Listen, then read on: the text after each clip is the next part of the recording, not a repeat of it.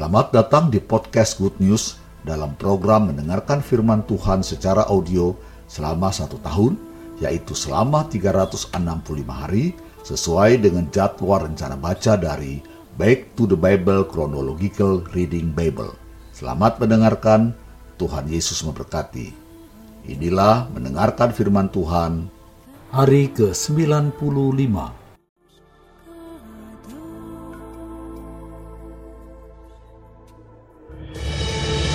Hakim-Hakim pasal 16 ayat 1 sampai 3. Simpson di Gaza.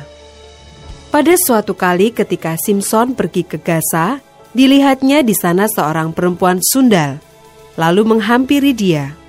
Ketika diberitahukan kepada orang-orang Gaza, Simpson telah datang ke sini, maka mereka mengepung tempat itu dan siap menghadang dia semalam-malaman itu di pintu gerbang kota tetapi semalam-malaman itu mereka tidak berbuat apa-apa karena pikirnya, nanti pada waktu fajar kita akan membunuh dia. Tetapi Simpson tidur di situ sampai tengah malam. Pada waktu tengah malam bangunlah ia. Dipegangnya kedua daun pintu gerbang kota itu dan kedua tiang pintu. Dicabutnyalah semuanya beserta palangnya. Diletakkannya di atas kedua bahunya. Lalu semuanya itu diangkatnya ke puncak gunung yang berhadapan dengan Hebron.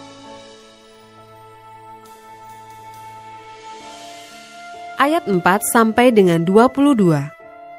Simpson dan Delila. Sesudah itu, Simpson jatuh cinta kepada seorang perempuan dari lembah Sorek yang namanya Delila. Lalu datanglah raja-raja kota orang Filistin kepada perempuan itu sambil berkata, Cobalah bujuk dia untuk mengetahui karena apakah kekuatannya demikian besar, dan dengan apakah kami dapat mengalahkan dia dan mengikat dia untuk menundukkannya. Maka kami masing-masing akan memberikan seribu seratus uang perak kepadamu. Lalu berkatalah Delila kepada Simpson, Ceritakanlah kiranya kepadaku, karena apakah kekuatanmu demikian besar? Dan dengan apakah engkau harus diikat untuk ditundukkan? Jawab Simpson kepadanya, Jika aku diikat dengan tali busur yang baru, yang belum kering, maka aku akan menjadi lemah dan menjadi seperti orang lain mana pun juga. Lalu raja-raja kota orang Filistin membawa tujuh tali busur yang baru yang belum kering kepada perempuan itu dan ia mengikat Simpson dengan tali-tali itu.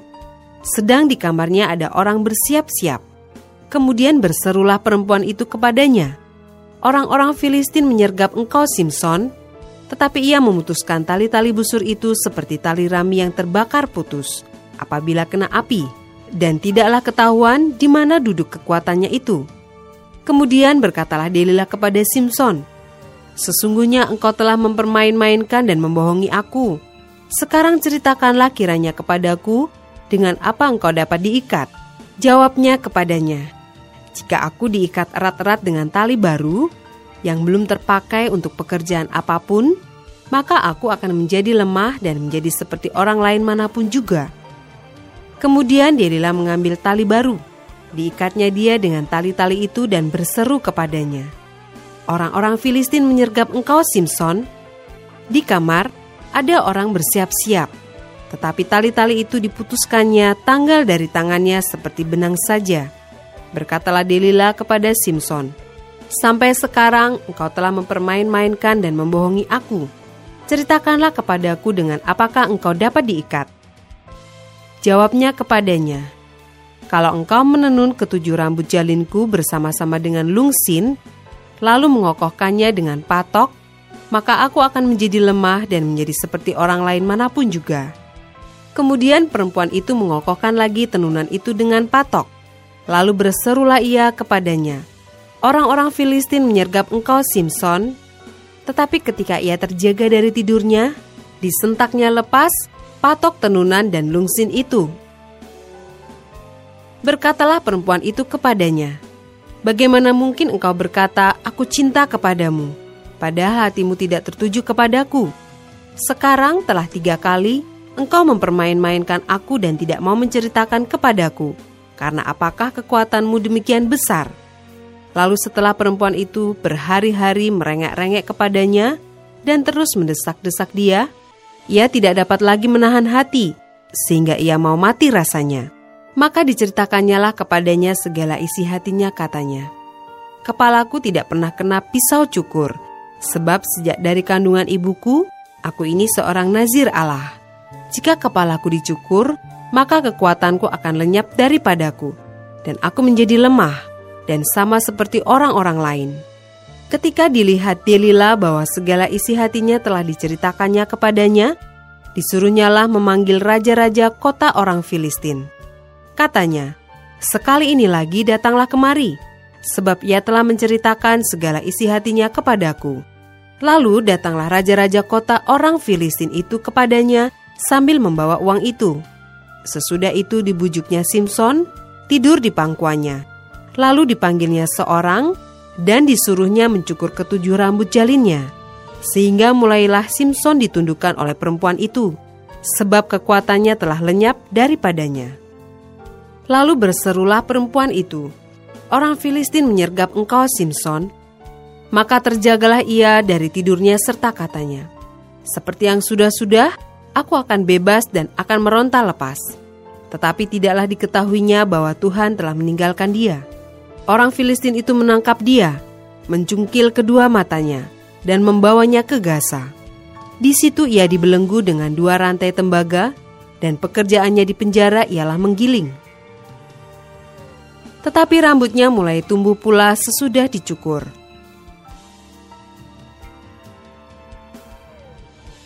Ayat 23 sampai 31. Simpson mati. Sesudah itu berkumpullah raja-raja kota orang Filistin untuk mengadakan perayaan korban sembelihan yang besar kepada Dagon, Allah mereka, dan untuk bersukaria. Kata mereka, telah diserahkan oleh Allah kita ke dalam tangan kita, Simpson, musuh kita. Dan ketika orang banyak melihat Simpson, mereka memuji Allah mereka sambil berseru, telah diserahkan oleh Allah kita ke dalam tangan kita, musuh kita, perusak tanah kita, dan yang membunuh banyak teman kita. Ketika hati mereka riang gembira, berkatalah mereka, "Panggillah Simpson untuk melawak bagi kita." Simpson dipanggil dari penjara, lalu ia melawak di depan mereka. Kemudian mereka menyuruh dia berdiri di antara tiang-tiang. Berkatalah Simpson kepada anak yang menuntun dia, "Lepaskan aku dan biarkanlah aku meraba-raba tiang-tiang penyangga rumah ini." Supaya aku dapat bersandar padanya. Adapun gedung itu penuh dengan laki-laki dan perempuan. Segala raja kota orang Filistin ada di sana. Dan di atas sotoh ada kira-kira 3000 orang laki-laki dan perempuan yang menonton lawak Simpson itu. Berserulah Simpson kepada Tuhan katanya, Ya Tuhan Allah, ingatlah kiranya kepadaku, dan buatlah aku kuat sekali ini saja, ya Allah supaya dengan satu pembalasan juga kubalaskan kedua mataku itu kepada orang Filistin. Kemudian Simpson merangkul kedua tiang yang paling tengah, penyangga rumah itu, lalu bertopang kepada tiang yang satu dengan tangan kanannya dan kepada tiang yang lain dengan tangan kirinya. Berkatalah Simpson, Biarlah kiranya aku mati bersama-sama orang Filistin ini.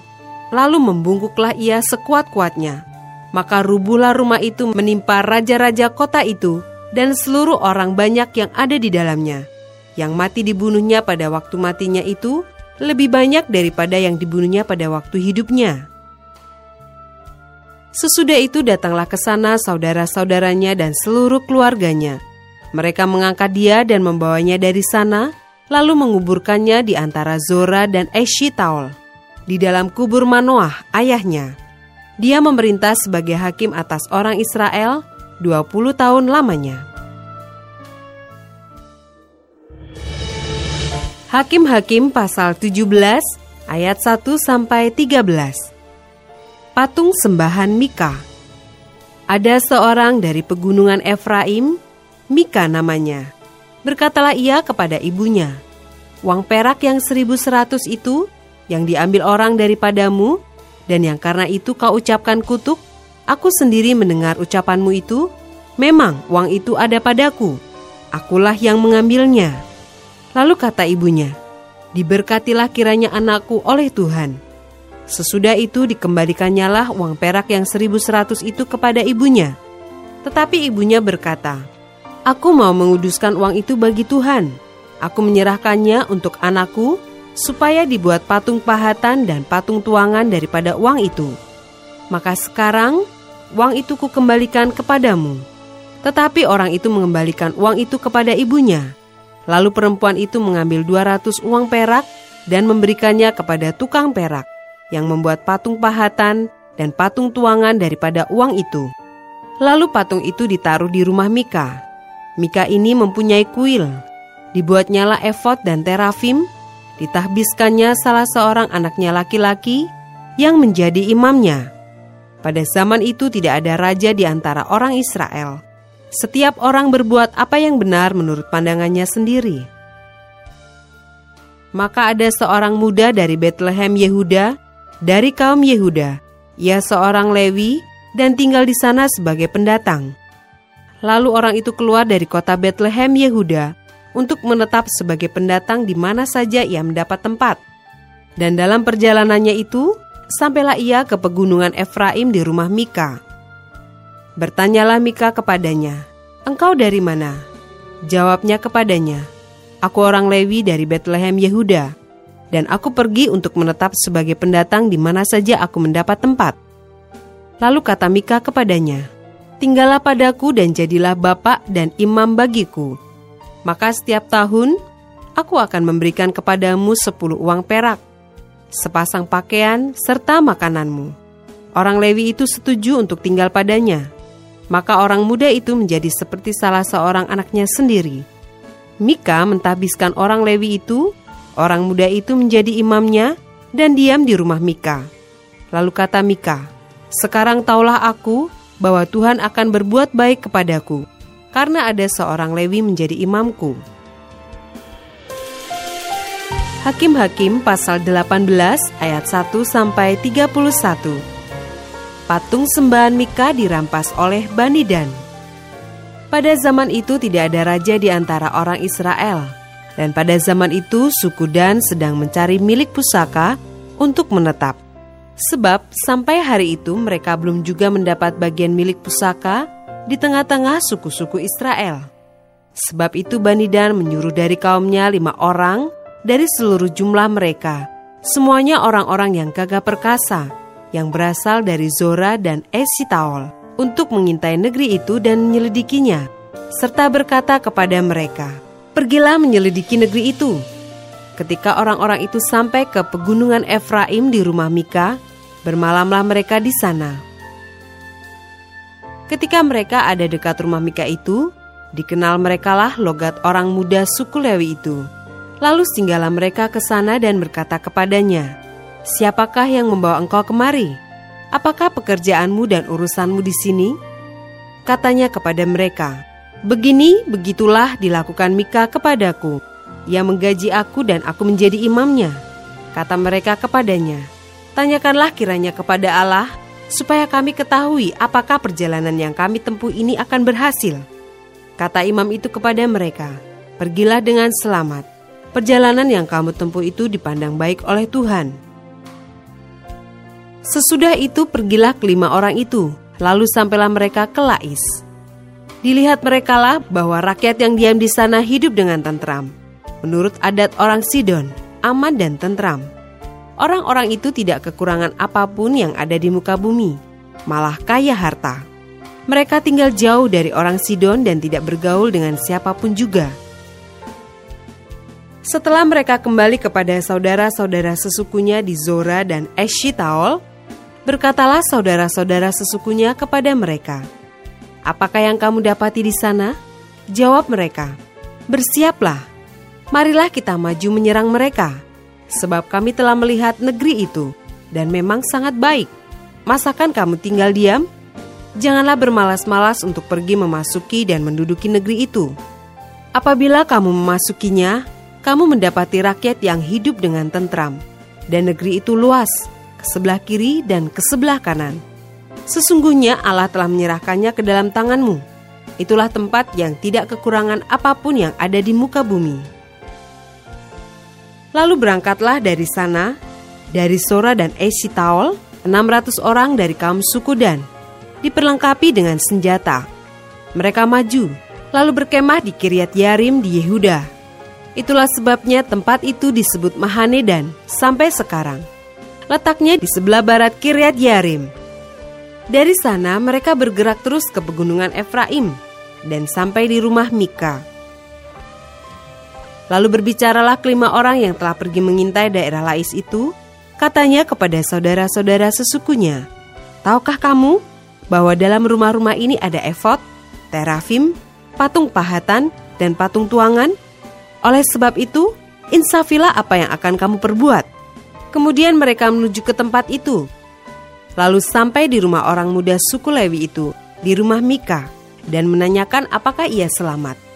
Sementara ke-600 orang dari Banidan yang diperlengkapi dengan senjata itu tinggal berdiri di pintu gerbang. Maka kelima orang yang telah pergi mengintai negeri itu berjalan terus, masuk ke dalam lalu mengambil patung pahatan, efod, terafim, dan patung tuangan itu. Adapun imam itu berdiri di pintu gerbang bersama-sama dengan ke-600 orang yang diperlengkapi dengan senjata itu. Tetapi setelah yang lain-lain itu masuk ke dalam rumah Mika dan mengambil patung pahatan, efod, terafim, dan patung tuangan itu, berkatalah imam itu kepada mereka, Berbuat apakah kamu ini? Tetapi jawab mereka kepadanya, Diamlah, tutup mulut, ikutlah kami dan jadilah bapak dan imam kami.